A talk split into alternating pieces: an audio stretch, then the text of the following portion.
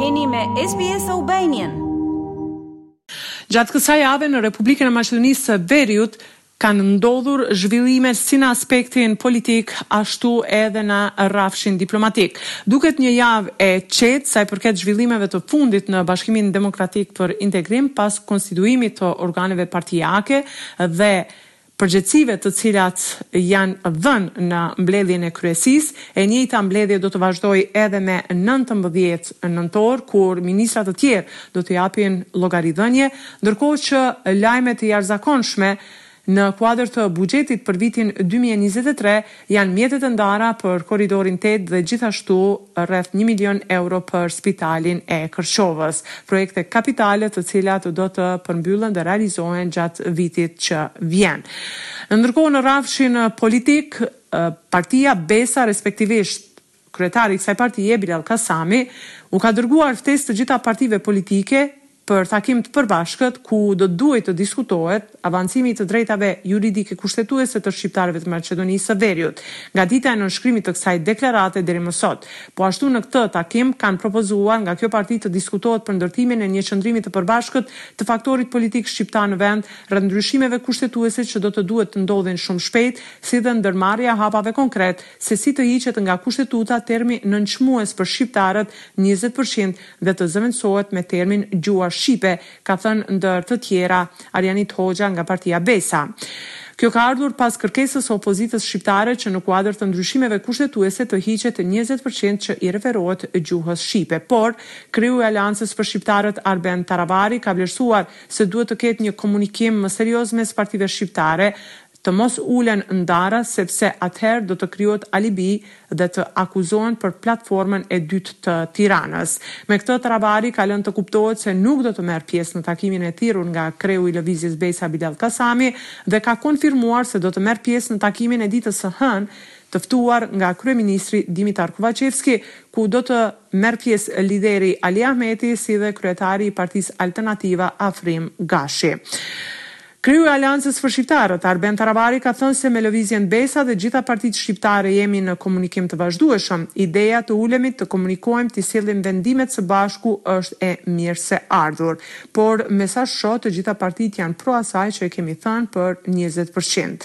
Nuk duhet t'i japim askujt arsye që të thirret platforma e dytë e Tiranës, tha ndër të tjera Taravari. Për më tepër ndjekim deklaratën e tij. Do të shkojmë aty do t'i dëgjojmë para Çfarë është ideja, për çfarë bisedojmë? Natyrisht e kemi strategjinë tonë të negocimit, e kemi koordinu me grupin për organizimin e kongresit te ne, ajo është kryesia e përkohshme.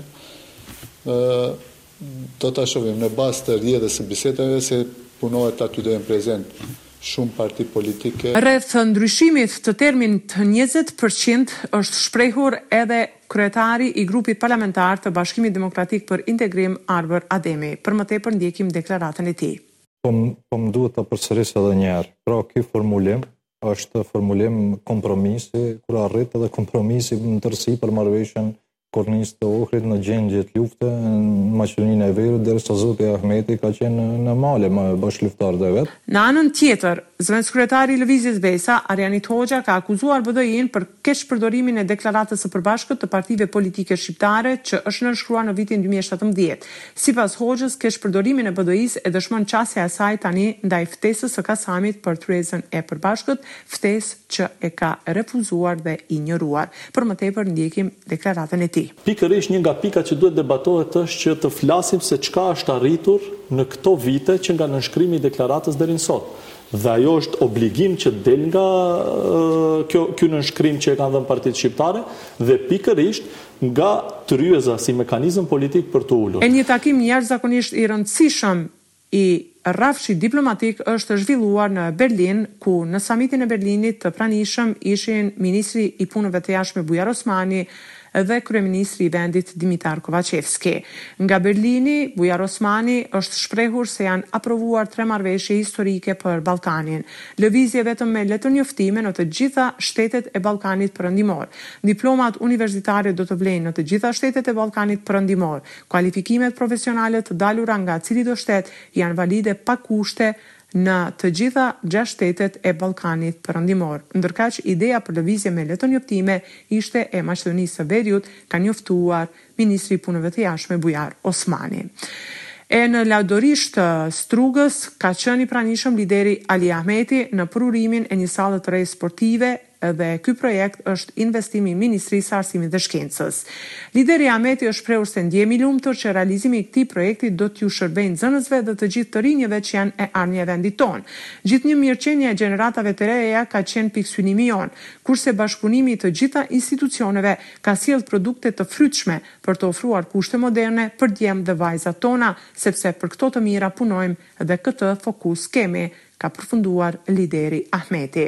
E gjatë javës që vjen bëhen përgatitje për shënimin e dyzet vjetorit të Lëvizjes Popullore, me ç'rast do të jenë të pranishëm në Kërçovë dhe në qytete të tjera veprimtarë të lëvizjes nga Kosova, Shqipëria e Maqedonia e Veriut. Po ashtu do të mbahet edhe një akademi kushtuar veprimtarit Alush Hamidi, me ç'rast në Shkup do të marrin pjesë ansamble shqiptare nga troje të ndryshme dhe me një manifestim madhështor do të përkujtohet edhe figura e tij dhe veprimtaria dedikuar folklorit dhe kulturës shqiptare në përgjithësi.